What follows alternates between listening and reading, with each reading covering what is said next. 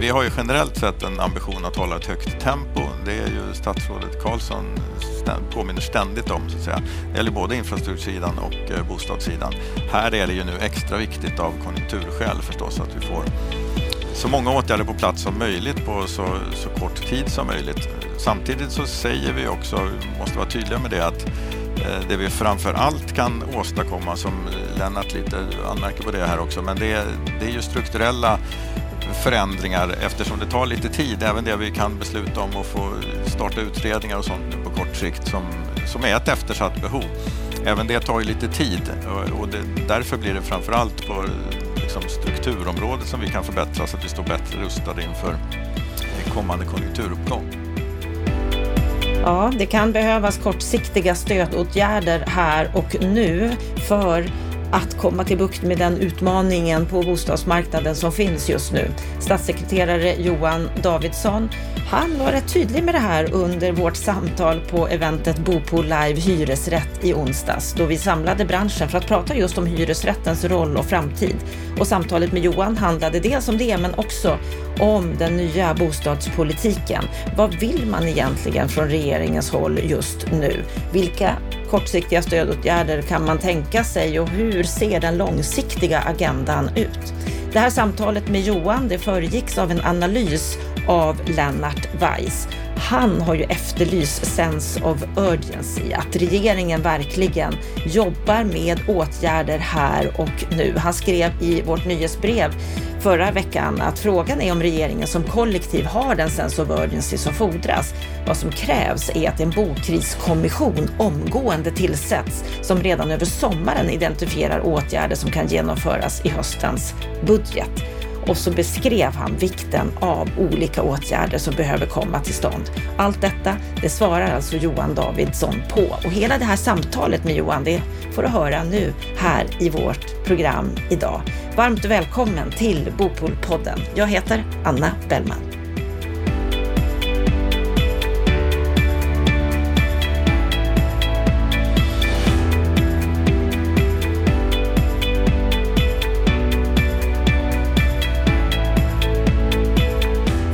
Finns sense of urgency hur ser egentligen regeringen på bostadspolitiken och på vad som behöver göras just nu? En varm applåd för Johan Davidsson. Tack för det.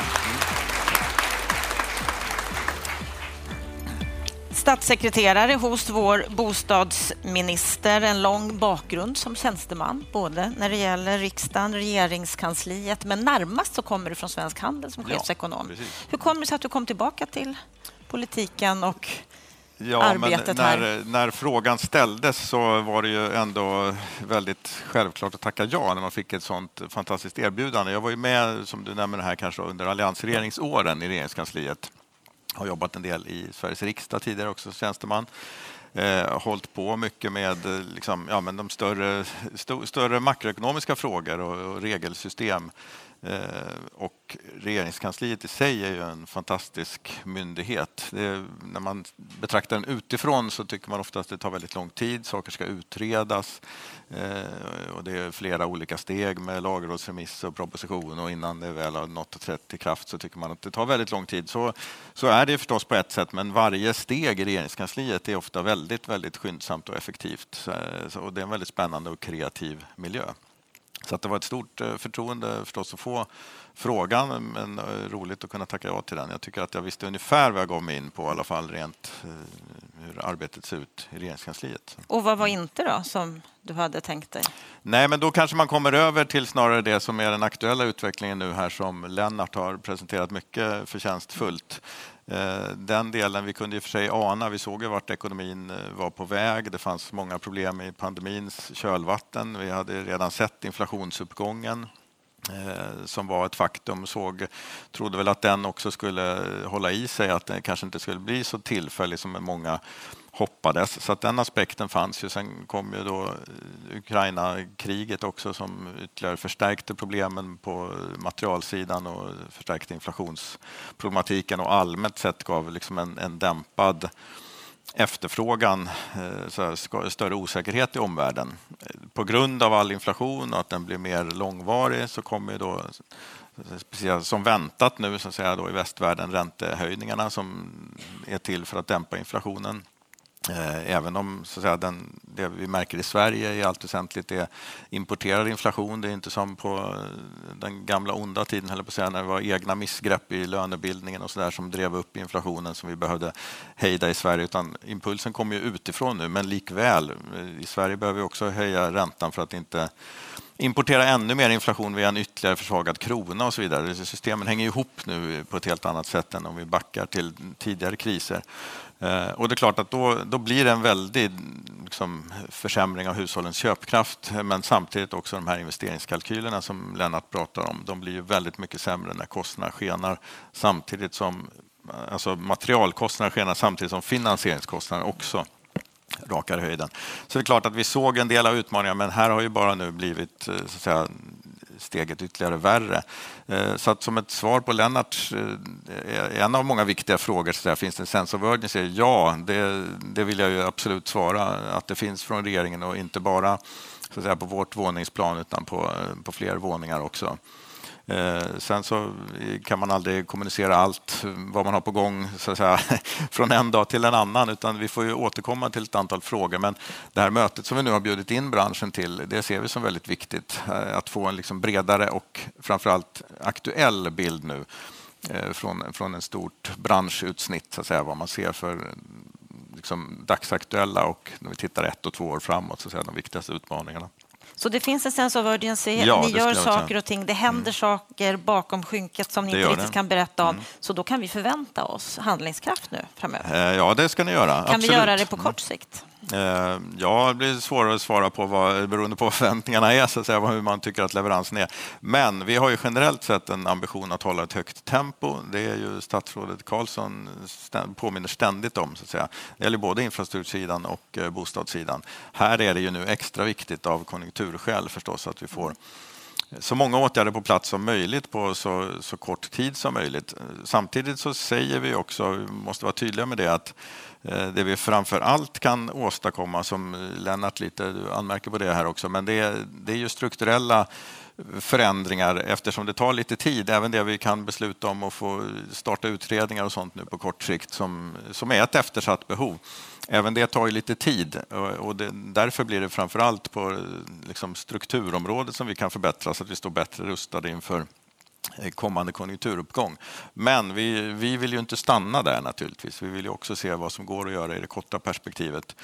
Eh, och regeringens prioritering eh, har ju varit, som ni vet, att, att stödja hushållen så att man inte tappar den här köpkraften. För vi vet ju att det har, det visar också Lennart på ett bra sätt, vi vet ju att det har en väldigt stor betydelse för alltså hushållens efterfrågan, för ekonomiska styrka så att, att efterfråga bostäder har ju, spelar stor roll för vad som kan byggas i slutändan också. Eh, så att det är ju frågan om åtgärder på många plan skulle jag säga.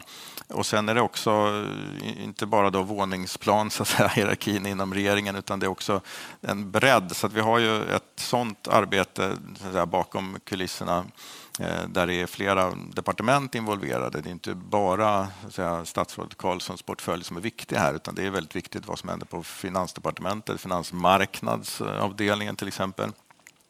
Eh, det är väldigt viktigt också att vi har, vilket vi har, så att säga, ett bra samarbete aktivt med justitiedepartementet som har eh, viktiga delar av lagstiftningen, eller både fastighetsbildning men hyreslagstiftning framför allt också.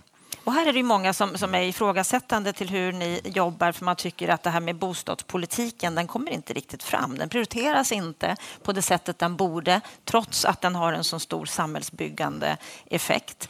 Som Lennart sa, det saknas en bostadspolitik eller för att citera honom ordagrant, den gamla bostadspolitiken avvecklades utan att ersättas av en ny. Kommer vi få se en bostadspolitik på riktigt? Ja, oj, ja, det, det, det, är en väldigt krävande fråga att svara på. Det, för att analysen här var ju också att det är egentligen inget parti nästan då kanske som har eh, liksom nått dit hän än så länge. Jag skulle väl börja med att svara så här då, att politik är det möjligas konst. Vi ska börja med att göra allt som ligger eh, nära i pipeline och som finns i byrålådorna som vi kan dra fram. Eh, en aspekt som togs upp här nu är den sociala, bostadssociala aspekten. Där det också, det håller vi med om. Sverige ligger efter eller har liksom saknat svar på eh, lite för många frågor på det området. Och eh, vi har ju gått till botten med, så att säga, muddrat igenom Karolina Skogs utredning, Sänk tröskeln till en första bostad, alltså bostadssociala utredningen. Och vi tycker att det finns många bra komponenter i den utredningen som ju nu den finns remitterad och så. Så att där, där kan man säga då det tråkiga svaret, men frågan bereds i regeringskansliet men liksom medskicket är också att vi vi ser många bra delar i den utredningen som vi vill kunna gå fram med så fort som möjligt. Ett annat sånt som är färdigberett och klart är startlånen. Mm. Kommer ni gå fram med det? Eh, det är också det tråkiga svaret att den bereds i regeringskansliet. Vi tycker att den är väldigt viktig. Det, det är många saker som behöver hänga ihop här i politiken också, men eh, låt oss återkomma på den punkten. Vi, vi ser att, det, att, situationen idag är inte tillräckligt bra, eh, uppenbart, så att säga, för förstagångsköpare. Utredningen löser ju inte problemet för samtliga förstagångsköpare, men det skulle kunna hjälpa en, en, en viss grupp så att säga, över tröskeln. Eh, och det är viktigt i sig. Det finns också ett tillkännagivande från riksdagen eh, som knyter an just till förstagångsköpares möjlighet att ta steget in på den ägda marknaden. Så det, det finns också med så att säga, i i eh, den politiska bakgrunden här, så att säga, det tillkännagivandet är ju så här, uppställt så att säga, av det som var den tidigare oppositionen men som är nu med i det styrande skiktet. Så att säga. Så. Och då pratade vi, pratade vi om åtgärder för att kunna ta sig in på det ägda boendet. Mm. Och det är ju någonting som ni förespråkar i det ni har gått ut och sagt hittills. Mm. Det ägda boendet är viktigt. Det ni bland annat har gått ut och eh, sagt är att förslaget för tre veckor sedan nu att det ska gå att ombilda befintliga hyresrätter till ägarlägenheter, att ett regelverk för hyrköp ska tas fram vi ser mycket styrning mot, mot det ägda boendet just ifrån, ifrån ert håll. Är det bara ditåt vi ska gå? Eh, nej, men det är det vi tycker är en väldigt stor eh, brist. Eh, det har varit för lite av det, och när vi, inte minst när vi tittar på småhussidan kanske. Där vet vi att önskemålen är väldigt starka från stora delar av befolkningen. Att det är liksom fler som vill bo i småhusen som gör det i dagsläget och jämför med internationellt med hur mycket det byggs eh, andelsmässigt så, att säga, så ligger ju Sverige efter i den meningen också att det byggs eh, liksom väldigt liten eh, andel småhus, men, men många vill ha det. pratar vi konjunktur nu så ser vi också att just småhusbyggandet, om bara så att säga, kommunerna får tillräcklig fart i sin detaljplanläggning och, och liksom upplåter mark för småhusbyggande så kan ju det ha, det, det har ju förutsättningar att liksom komma på plats mycket snabbare än de större projekten med fler bostadshus och, och större, mer tätare områden. Så, att säga. så att det är viktigt från det perspektivet också. Men det är ju inte, det är inte bara det naturligtvis. Jag menar, inbjudan här till dagens övning, i alla fall i mina papper, det var ju mer hyresrättens Exakt. ställning. Eh, och det är klart att den har en väldigt viktig ställning. Ja, hur ser ni på Vi, hyresrätten? Vad har ja, den för ställning? Jag ska säga så här, det, ja, den har nästan haft en särställning om vi tittar på hur mycket som har byggts sedan 2017 18 någonstans. Det har ju byggts, så har det inte alltid låtit i den politiska debatten i alla fall, men det har ju byggts mycket fler hyresrätter än bostadsrätter till exempel. Nu så ni menar att ni behöver ha en balans här nu? Vi behöver hitta... Ja, så här, en mångfald av upplåtelseformer, det är ju det vi säger. Eh, och det kommer att fortsätta behövas hyresrätter, många. Eh, och det är viktigt att de kan produceras. Då kan jag komma in på bara en fråga som vi tittar på nu. Hoppas kunna återkomma kring inom inom någorlunda närtid, det är ju presumtionshyressystemet. Det är jätteviktigt att det finns eh, så bra förutsättningar som möjligt för att kunna investera och få kalkylen att gå ihop eh, och att det finns en långsiktig förutsättning, förutsebarhet när det gäller byggande av eh, hyresrätter. Och det här domstolsutslaget som kom för ungefär ett år sedan nu då, i Svea hovrätt, eller det var två domstolsutslag, det har ju ställt till det och liksom rubbat förutsättningar för presumtionshyressystemet. Det här tycker så att säga, båda parter på på bostadsmarknaden är dåligt, alltså inklusive Hyresgästföreningen. Eh, så den frågan håller vi på att titta över. Så att det, ja, in, kanske inte en exakt eh, återgång till vad som har varit, för det kan vara svårt att formulera sånt lagstiftningsmässigt, men, men i princip en, en återgång eh, som skapar de här bättre spelreglerna för hyresrätten. Hyresrätten ska jag säga är också jätteviktig för, eh, ja men det är oftast första steget in förstås när man är ung på bostadsmarknaden. Eh, det är jätteviktigt att det finns eh, studentbostäder, alltså den, den typen, det segmentet av hyresbostäder när man pluggar.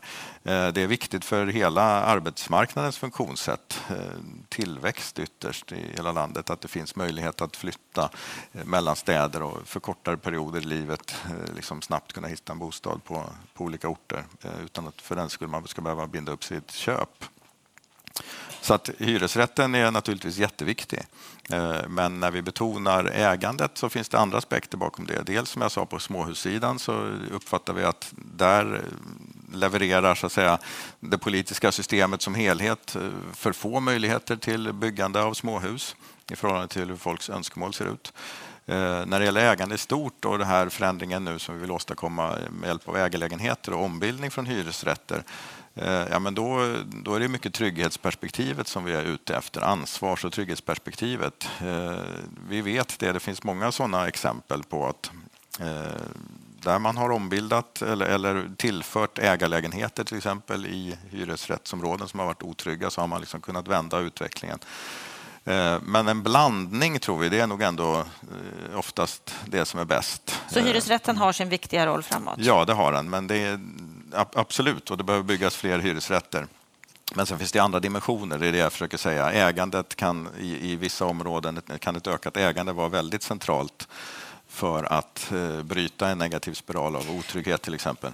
Vi är ju i ett läge nu där, där det behövs bostäder men det byggs otroligt lite. Ni tog ju bort investeringsstödet. Mm. Finns det några tankar på några andra stödåtgärder eller att återinföra investeringsstödet för att få upp byggandet? Nej, in, inte på att återföra investeringsstödet så som det såg ut. Det, det var ju trots allt väldigt mycket dödviktskostnad i det. Det kan diskuteras exakt hur mycket men, men det var det. uppfattar vi att väldigt många aktörer inom branschen ändå delar den synen också och det, det blir hattigt över tid så att säga för att man vet att det har så som det har sett ut, det har ändå en tillfällig karaktär. Eh, så att det, Men någon annan det typ av stödåtgärd? Eh, ja, eh, det skulle det kunna vara frågan om, men i så fall inte med de här dödviktseffekterna som fanns i det tidigare stödet. Lennart visade ju här en bild på, på vad ni har sagt att ni vill göra och han hade ju frågetecken kring detta med att ni skulle öka incitamenten för att mm. bygga. Vad menar ni med det? Ja, men det, det, är många saker. Eh, det kan vara en snabb sammanfattning när man ska liksom kort eh, kunna kommunicera vad man är ute efter. Men eh, ett, ett viktigt incitament som vi inte pratar om alls längre, men som är strukturellt och slår igenom på längre sikt, det är ju att reglerna blir enklare och processerna blir enklare. Eh, så att eh, här pratar vi egentligen brett om incitament, både att vi vill stimulera kommunerna att öka sin planberedskap, planera för mer småhusbyggande framför allt. De behöver frigöra mark. Det är liksom, bostadsbyggande börjar ändå alltid med att det finns mark tillgänglig. Så att där vill vi påverka incitamenten. Sen eh, är det också, har att göra med hushållens förmåga och möjlighet att efterfråga. Eh, och sen är det investeringskalkylens incitament som jag nämnde, presumtionshyresreglerna är jätteviktiga. Eh, så, att, så att det finns ja, det, det, är många aspekter i det här. Kan ni också påverka kommunernas sätt att prissätta marken? För här går det ju mm. uppåt och uppåt hela tiden, vilket är fördyrande. Ja, precis, här borde det kan man tycka ändå bli också en viss konjunkturanpassning så att säga, nu, som, som påverkar eh, hur marken prissätts. Eh, men ytterst så är det egentligen, eh, det, får, det kommer nog kanske landa mycket i en uppmaning till kommunerna att de behöver tänka till. Vi menar att de behöver vara mer långsiktiga i sin eh, samhällsplanering också. Ser man det väldigt kortsiktigt och liksom ekonomistiskt så kan ju kommunerna lätt hamna i att de får mest betalt för marken om man liksom ser till att bygga Eh, flerbostadshus med många små lägenheter. Det, så, kan, så kan man kanske kortsiktigt optimera och så har nog gjorts på många håll. Eh, men till slut så sitter man ju där med någonting som kanske inte fungerar riktigt bra då i alla fall från liksom social och trygghetssynpunkt i värsta fall. Eh, men man får ju heller inte den här mångfalden och man får heller inte liksom ja, så här bredden i vilka som kan tänka sig och vill flytta till kommunen. Vi menar att, att mångfalden av upplåtelseformer och boendeformer är väldigt viktig. Så där, därför måste kommunen tänka av och eh, tänka efter ordentligt och väga av den här balansgången så att man upplåter mark så för, för flera typer av upplåtelseformer. Och det är där vi uppfattar att just småhus ligger vi faktiskt lite efter i Sverige nu. Eh, en sak som är viktig långsiktigt det är ju hur vårt samhälle utvecklas och att vi har områden i vårt land som behöver utvecklas rekordsnabbt just mm. nu med tanke på industrialiseringen som sker i, i norr med Northvolt och, och andra ehm, eh, in, in, industrier. Hur, hur, hur, ser ni från regeringens håll på det? Hur stöttar ni i, i Boden och Skellefteå och så vidare för att, för att den här utbyggnaden ska, ska vara möjlig? För nu är det svårt. Mm. Nej, men det är rätt. Det, det, är inte någon jättelätt nöt att knäcka, men vi har ju tyckt att det var faktiskt bra som tidigare regering gjorde när man tillsatte de här samordningspersonerna. Två stycken var ju det, Eva Nordström och eh, Peter Larsson. Eh, Eva har ju slutat, är vidare i ett annat uppdrag här också inom bostadssidan. Eh, men vi, vi kommer ta vidare de här uppdragen. Eh, för det, det är ju så ändå i de här kommunerna, ofta har det varit, eh, man har förvaltat ett status quo i bästa fall, eller liksom att, man, att det inte behöver byggas så mycket. Ibland i vissa kommuner, om man rör sig lite längre ut i periferin, så har det handlat om att till och med avveckla eller riva bostäder. Så att därför saknas det, det är ju budskapet från de här kommunerna ofta, det saknas en, en ja, dels en erfarenhet så att säga, av, av att jobba med tillväxt eh, och planera för det på stadsplanenivån.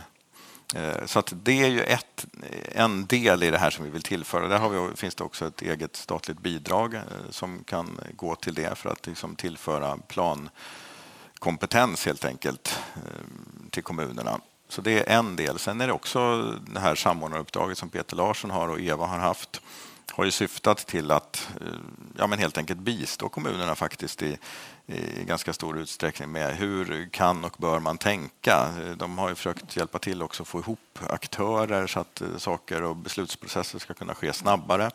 Det är en väldigt viktig del i Peter Larssons slutsatser, så att säga, kraften i att samla många myndigheter eller aktörer vid samma bord vid ett tillfälle och jobba med mer parallellt beslutsfattande så att det inte blir det här sekventiella eh, där någon lägger fram ett förslag först och sen så ska någon annan yttra sig och så visar det sig att man missförstod den första och sen så går ett halvår i onödan och sen så går det vidare i, i tio led och så tar det alldeles för lång tid. Vi ser ju att det, precis som sägs här, det behöver ske saker väldigt snabbt nu och inte minst på bostadsområdet också för att det här ska kunna bli en framgångsrik ny industrialisering. Så att vi, eh, här har vi också lite mer i pipeline. Det finns som jag sa bidrag då också för att stödja kommunerna, stärka planberedskapen, den liksom stadsarkitekturiella beredskapen. Och här är du inne på men vi kommer som... återkomma till fler ja, saker på saker. Norrlandsstrategin som vi faktiskt har kallat det också. Ja, bra. Därför att det många efterfrågar som jag möter, det är ju det är just långsiktigheten.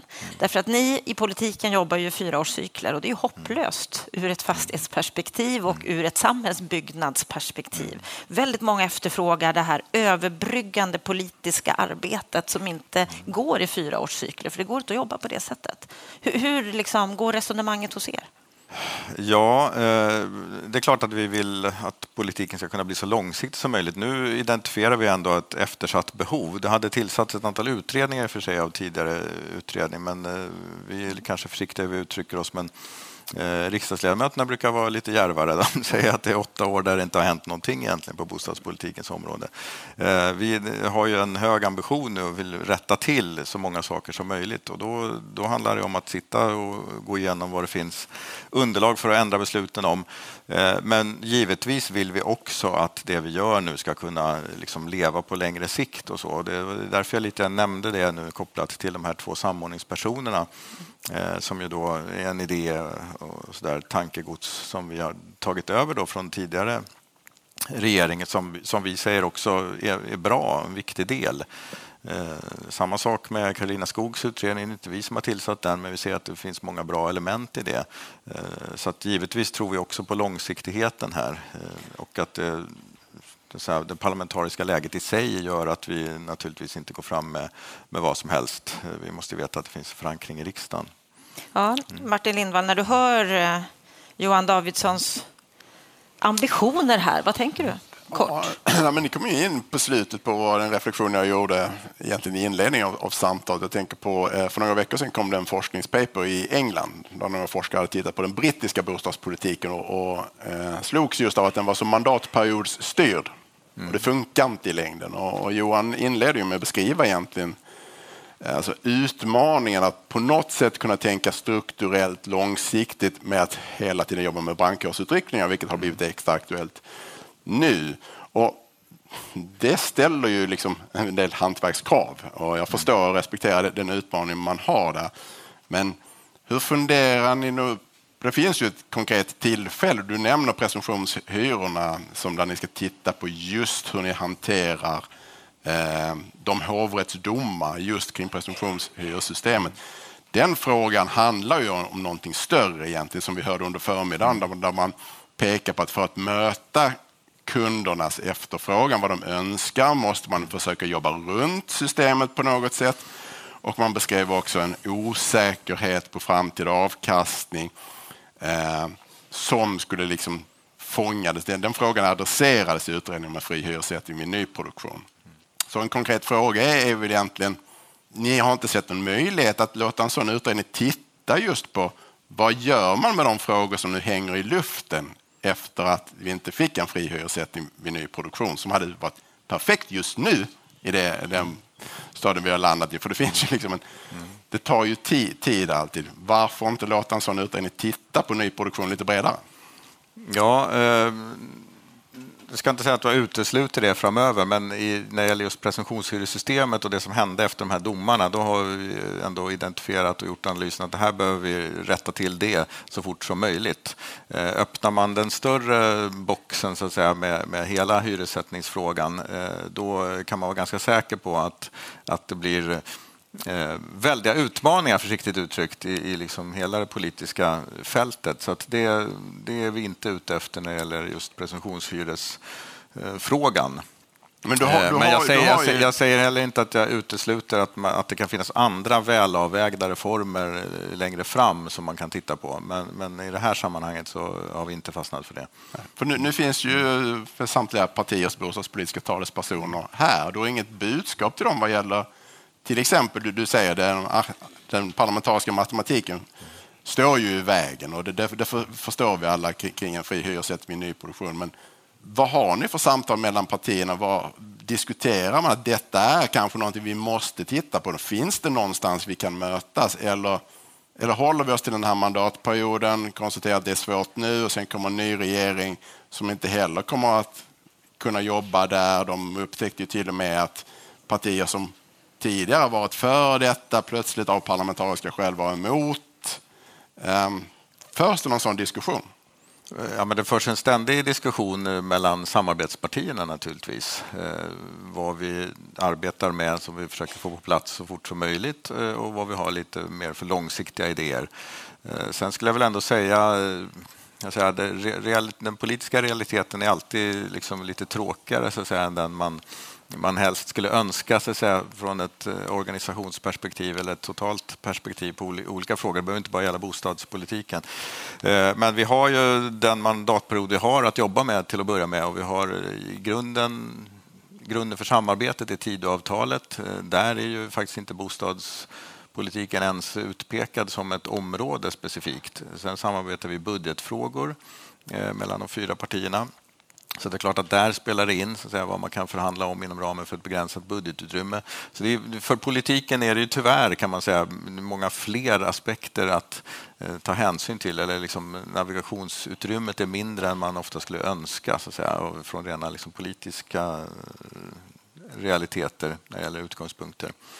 Eh, men eh, jag kan som ett svar också bara på Lennarts fundering här om någon ännu mer långsiktig kommission eller vad man nu skulle kalla det. det. det. har vi inte heller sagt att vi utesluter, men så att säga, vi, det är väldigt mycket här och nu som vi behöver få på plats, både som kan träda i kraft snabbt men som annars också hinner träda i kraft under mandatperioden. Det kommer ändå vara huvudfokus, så att, säga, att göra så mycket som det bara går i de avseendena. Vad gäller den, so so vad gäller den so sociala, vi, vi, är jätteglada att ni gör den här Bostad först-satsningen. Eh, har ni och vi har ju pratat om Karolina Skogs utredning. Jag är glad att, liksom, att ni tittar vidare på det. Har ni tittat något bredare än det som finns i den utredningen? Är det liksom en fråga? Ni har fått beröm för att KD har varit liksom starka i den frågan egentligen. Och att ni Väldigt bottnar. kort nu, för tiden är ute. Mm. Eh, nej, vi, vi, har börjat med den i alla fall. Vi tror att det kan liksom leda en, en ganska bra bit, flera av de förslag som finns med i den. Så att, eh, än, än, så länge har vi inte tittat ännu bredare än så eh, i meningen att vi har diskuterat i, i samarbetspartikretsen. Så att säga. Sen är det många partier som har presenterat olika idéer och olika inriktning. Så att säga. Men här, här handlar det i slutändan om att få ett system på plats som funkar, så att säga, som kan kräva både lagändring och, och annat i styrning av både kommuner och länsstyrelser med flera aktörer. Så det, det är ju ännu mer komplext, så att säga. men vi, vi börjar på det här området i alla fall med Karolinas utredning. Sen när det gäller till exempel hemlöshet har ju regeringen redan presenterat andra saker och förstärkt olika bidragssystem som hjälper till där i systemet Bostad först till exempel. Där har vi dubblat anslagen till det. Så att det här tänkandet finns. Och sen bara avslutningsvis, eh, i ett ännu bredare perspektiv så har vi också eh, utredning på gång nu om platssamverkan som står i Tidöavtalet. Eh, tryggheten i bostadsområden är ju central. Eh, och där har vi många förslag på gång, både på rättsområdet eh, men även kopplat till hyressidan också egentligen då. Eh, att det ska kunna finnas vissa ökade möjligheter att vräka hyresgäster som ägnar sig åt brottslig verksamhet. Så det är, det är tryggheten i stort, det är hushållens köpkraft, eh, det är Karolina Skogs utredning bland annat. Men sen också naturligtvis väldigt mycket sense of urgency i den oerhört svaga konjunktur som det blir nu och där investeringskalkylen förstörs så att säga, både från kostnadssidan eh, på material och även från finansieringssidan. Så det, det är en stor utmaning. Mm.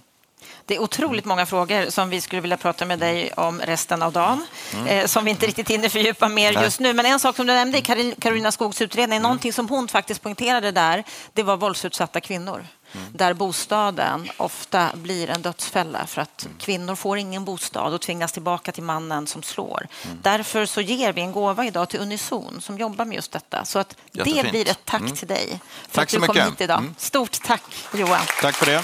Tack. Ja,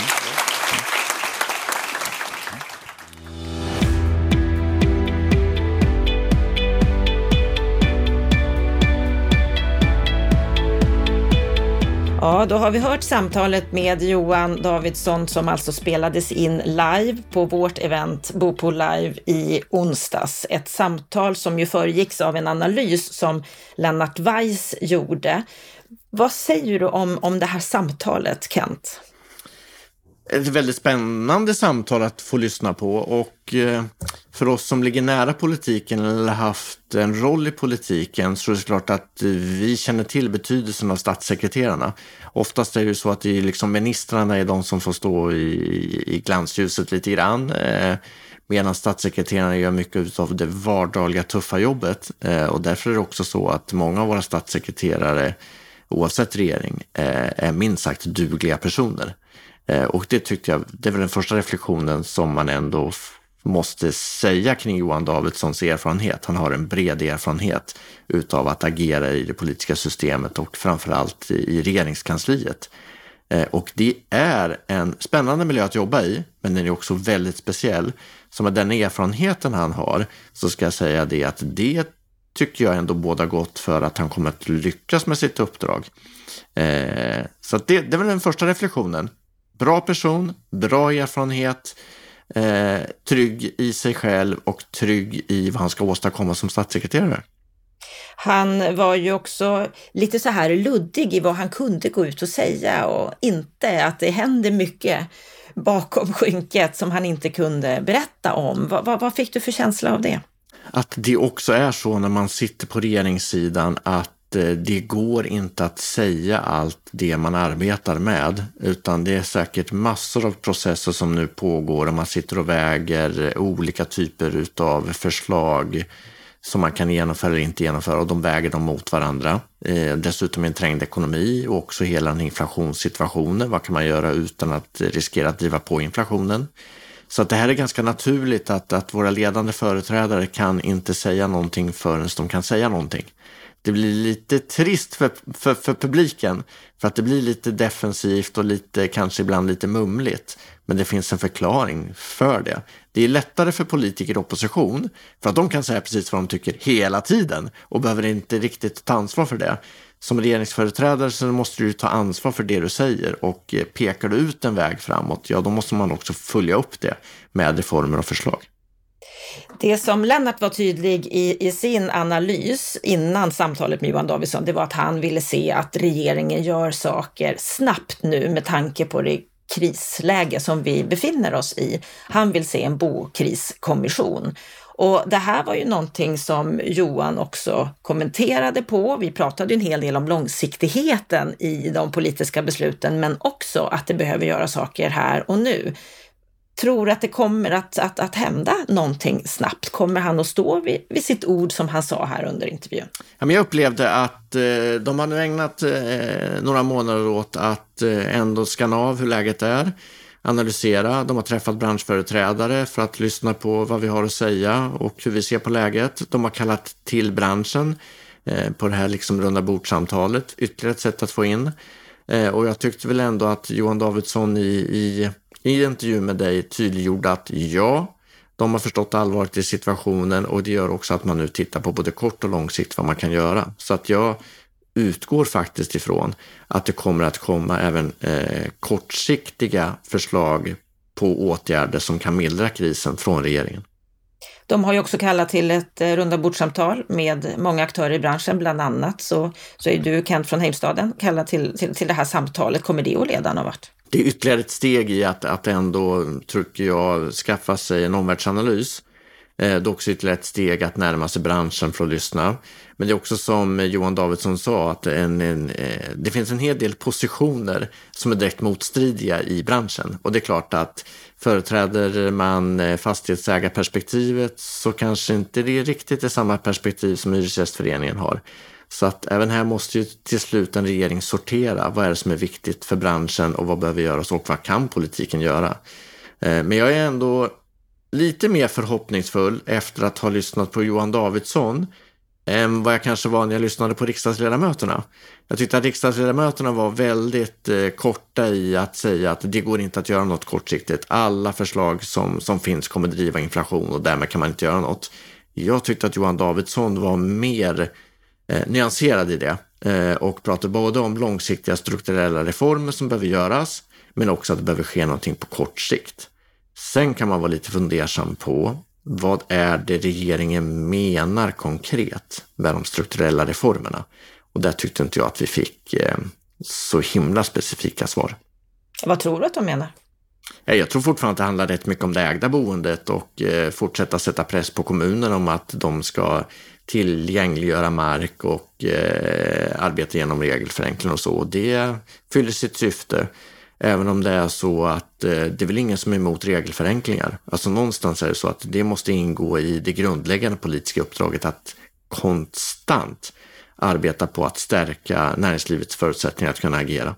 Så att jag tycker inte att det är så mycket strukturella reformer. Jag tycker att det ingår i det politiska grundarbetet det vi mer efterlyser, många av oss i branschen nu, det är ju strukturella reformer på då framförallt hyresrättssidan. Och då måste du in och börja resonera kring hyresregleringen.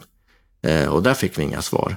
Eh, menar att det, alla är lite passiva i att vi, man vill inte gå in i diskussioner om till exempel fri hyressättning från nyproduktion, där det ändå finns en färdig utredning att titta på. Det tycker jag att det borde regeringen eh, ta sig mod till att titta på, för det är en riktig strukturförändring. Ja, vi pratade ju som sagt både om saker som behöver göras på kort sikt och på lång sikt och strukturella förändringar. Och han var ju också öppen med att han förstod att branschen behöver långsiktighet. Att det här går inte att, att driva i fyraårscykler därför att det är så det politiska systemet ser ut. Tror du att den här regeringen kan hitta blocköverskridande samarbeten?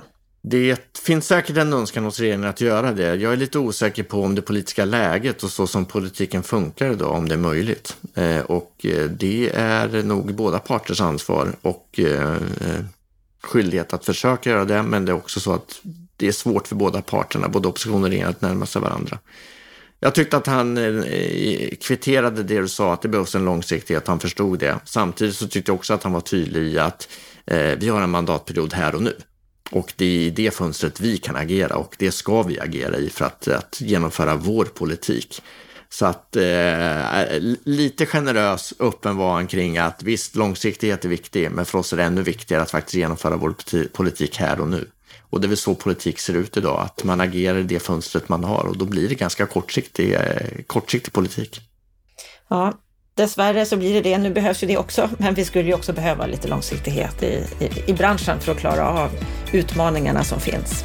Tack Kent Persson för din kommentar på detta samtal. Tack till dig som lyssnar på Bopolpodden. Vill du läsa mer om vad som händer på det bostadspolitiska området, gå gärna in på bostadspolitik.se där vi samlar allt det viktiga som händer och sker och skrivs om.